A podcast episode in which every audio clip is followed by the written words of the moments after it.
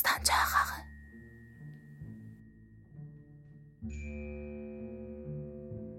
Gəlib qəlyanı apardılar. Səttarxan isə sözə başladı. Nırx məsələsi mühüm məsələdir. Ambar sahibləri bizi şəhərin kənarında duran düşmənlərdən daha artıq boğmağa çalışırlar.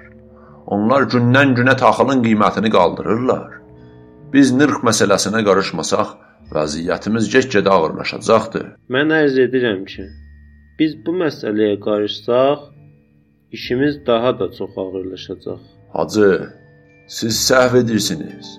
Ambar sahibləri kimdir? Mirzə Möhsün ağadır, İmam Cümədir. Bunlar daxildə iqtişaş hazırlayırlar. Bahalıq bir gün bütün Təbrizi bizim əleyhimizə qaldıra bilər. Mən təklif edirəm ki, məsələni əncüməndə qoyub həll edək. Həmişə əncümən məsələsi aralığa gəldikdə o susurdu. Bir inqilab diktatoru kimi hərəkət etməkdən qorxurdu. İxtilaf meydana çıxacağından ehtiyat edirdi. Mən Hacı Mehdi ilə bir neçə dəfə görüşmüşdüm. O yalnız mənim deyil, bütün Qafqazdan gələnlərin fikri ilə hesablaşmaq istəmirdi. O da Səqətülislam müştəhidin fikrində idi. Mən bir neçə kəlmə danışmaq üçün Sərdardan icazə istədim. Buyurun, buyurun. deyə icazə verdi. E, mən Hacı cidablarını çox diqqətlə dinləyirdim. E, Hacı məni bağışlasın.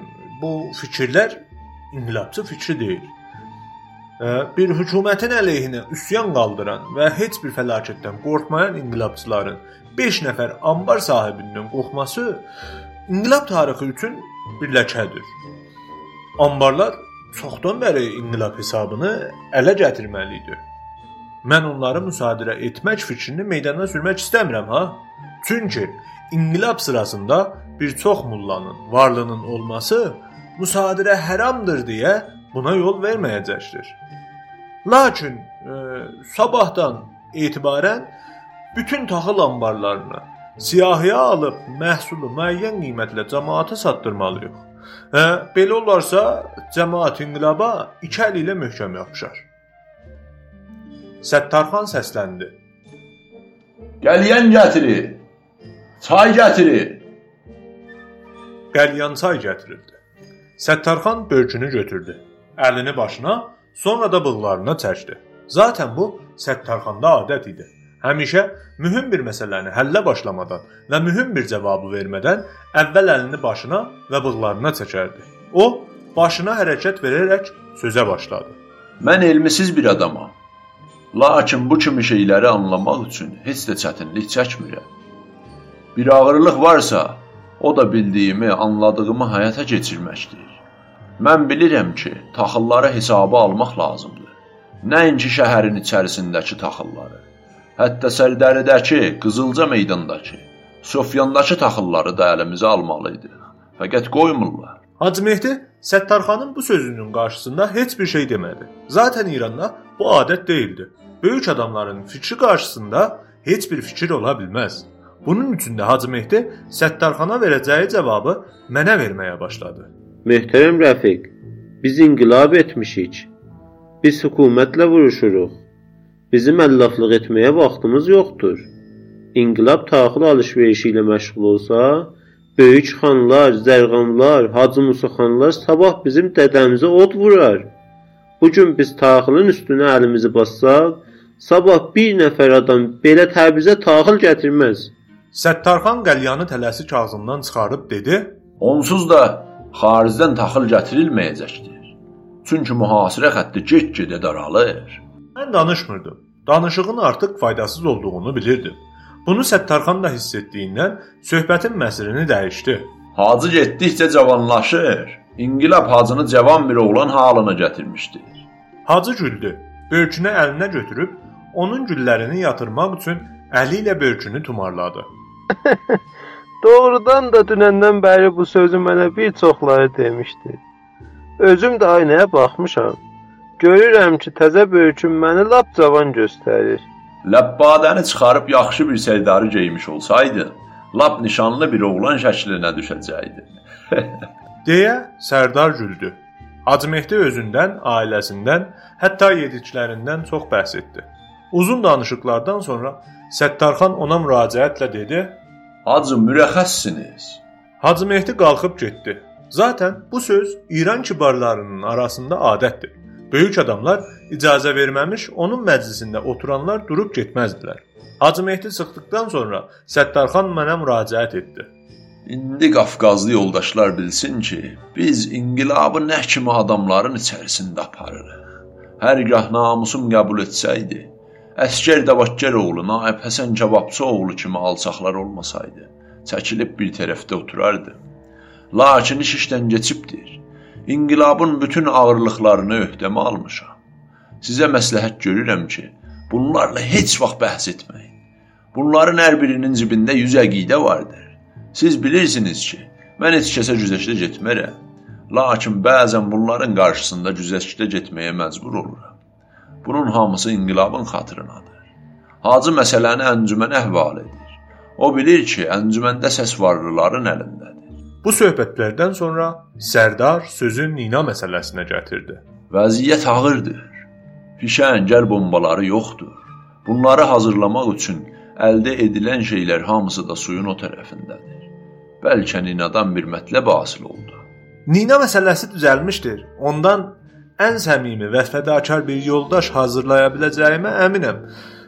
O inqilabda vəzifə götürəcəyinə sevinir. Ona lazım olan şeylər verilmişdirmi? Otaq e, və lazım olan şeylər barəsində tamamilə təmin edilmişdir. Çox da razı qalmışdır. Məsarif və xərc cəhətindən də təmin olunmuşdurmu? Ona pul vermək yaramaz. Hə, özü də qəbul etməz. Lazımi şeylər üçün pulu mən özüm verirəm. Heç vaxt xəsislik etməyin. Bir şahlıq iş görənlərə 5 şahı verməkdən çəkinməyin.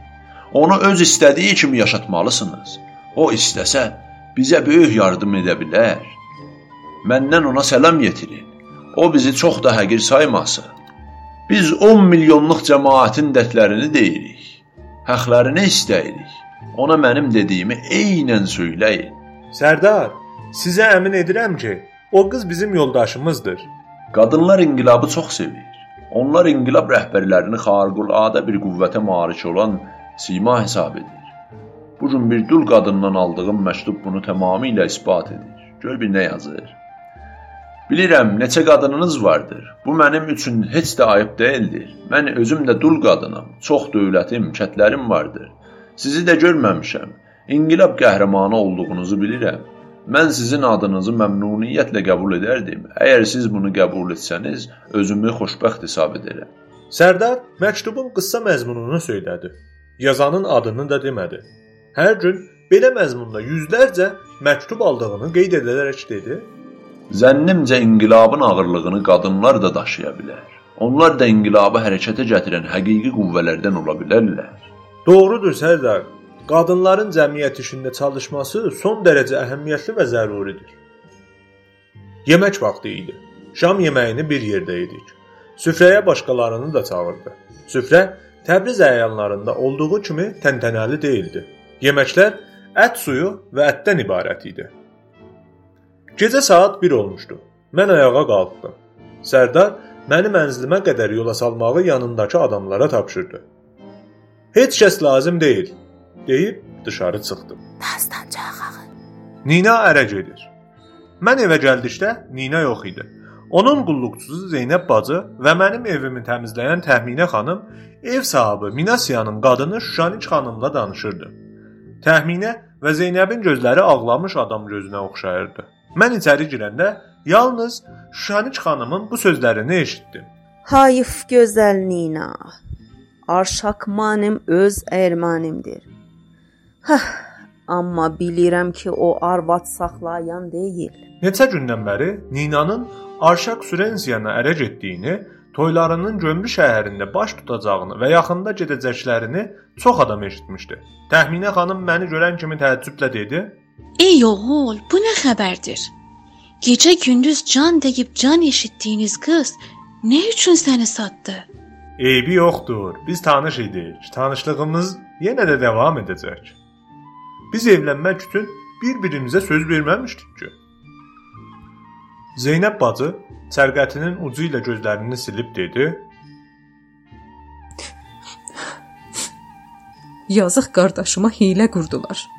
Qız bundan ötürü özünü öldürürdü. Bir saat gec gələndə bilmirdi ki, nə eləsin. Qız birdən-birə dəyişildi. Təxminə çox yaşayıb, çox da bilir. Nə olubsa bu evdən olub. Qıza cadu elədilər. O cür qızı müsəlmana qismət olmağa qoymazdılar. Öz ermənilərinə düzəltdilər. Təxminə xanım bu sözlə Minasiyanın qadını Şuşaniç xanıma işarə edirdi. Şuşaniç xanım isə balalarının canına and içib xəbəri olmadığını dəfələrlə söyləyirdi. Ninanı gözləyə bilmədim. Sərdarın yanına getməli idim. Bu günlərdə Təbrizdəki silah ehtiyatı qurtarırdı. Qaradağlıların hücumunun qarşısını sadə tüfənglə saxlamaq mümkün değildi. Müsəlsələ böyük ehtiyac hiss olunurdu. Bu da yoxdur. Əl bombaları qurtarmaq üzrə idi. Mən Sərdanın yanına girərkən gizlin fişəng gətirənlərə veriləcək pul üstündə danışıb gedirdi. Fişəngin biri 1 qrana qiymət olunurdu. Bununla da azı 10 minə qədər silah götürən inqilab ordusunu heç vəsilə təchiz etmək mümkün değildi. Sərdar çox acıqlı idi. Güllə gətirənləri təmin etmək üçün istənilən pul haqqında Hacı Mehdi ilə sözləşdiyini sonradan eşitdim. Mən öz planım haqqında Səttarxana heç bir söz deməmişdim. Sərdar məclis dağılandan sonra yenə də bu xüsusda ətraflı düşünməli olacağımızı təkrar etdi. Arazın o tərəfində hazırlanmış şeyləri gətirmək üçün tədbir görülməsini tapşırdı. Nina səhər tezdən səfərə çıxacaqdı. Səttarxanın evindən qayıdıb yenə də onun evinə getdim. Təxminə xanım hələ evdə idi. Zeynəb bacı ilə hər ikisi kanapənin üstündə bozuşub oturmuşdu. Məni görərkən Şuşaniç də gəldi. Bunlar Ninanın ərə getməsi səbəbilə mənim bir ixtilaf çıxaracağımdan qorxurdular. Nina onlara baxıb mənə göz vururdu.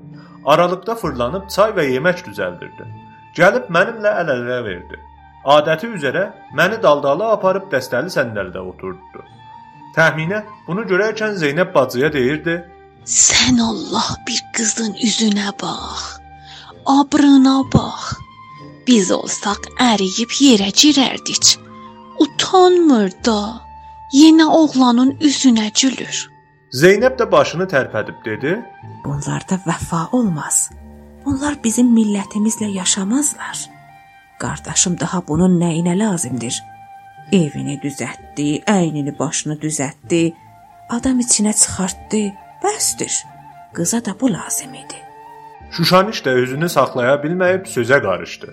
Bunlar mani taxıb şişə, tutub odun üstünə. Deyirlər ki, qız arşaka ara getmazdı. Bunu eləyən Şuşanikdir. Necə ki, bayaq demişdim, indi də deyirəm. Sizin bir tükünüzü yüz arşak kimi adama vermərəm. Aslına baxsan, təqsir qızın özündədir. Sarı tüklülərin hamısını belə görürəm. Bunlarla bizimki tutmaz. Əgər sizə evlənmək lazımdırsa, elə qız taparam ki, göz muncuğu kimi. Gülmək istəyirdimsə də özümü saxlayırdım. Onları sakit etmək üçün dedim: "Hə, mən Nina ilə sadəcə tanışam. Onunla evlənmək istəmədim. Yoxsa qızın buna sözü yox idi ki?" Təxminə tab gətirə bilməyib dedi: Bir adam ki sevmir və evlənmək istəmir, daha nə üçün qız uşağı ilə oturub durur?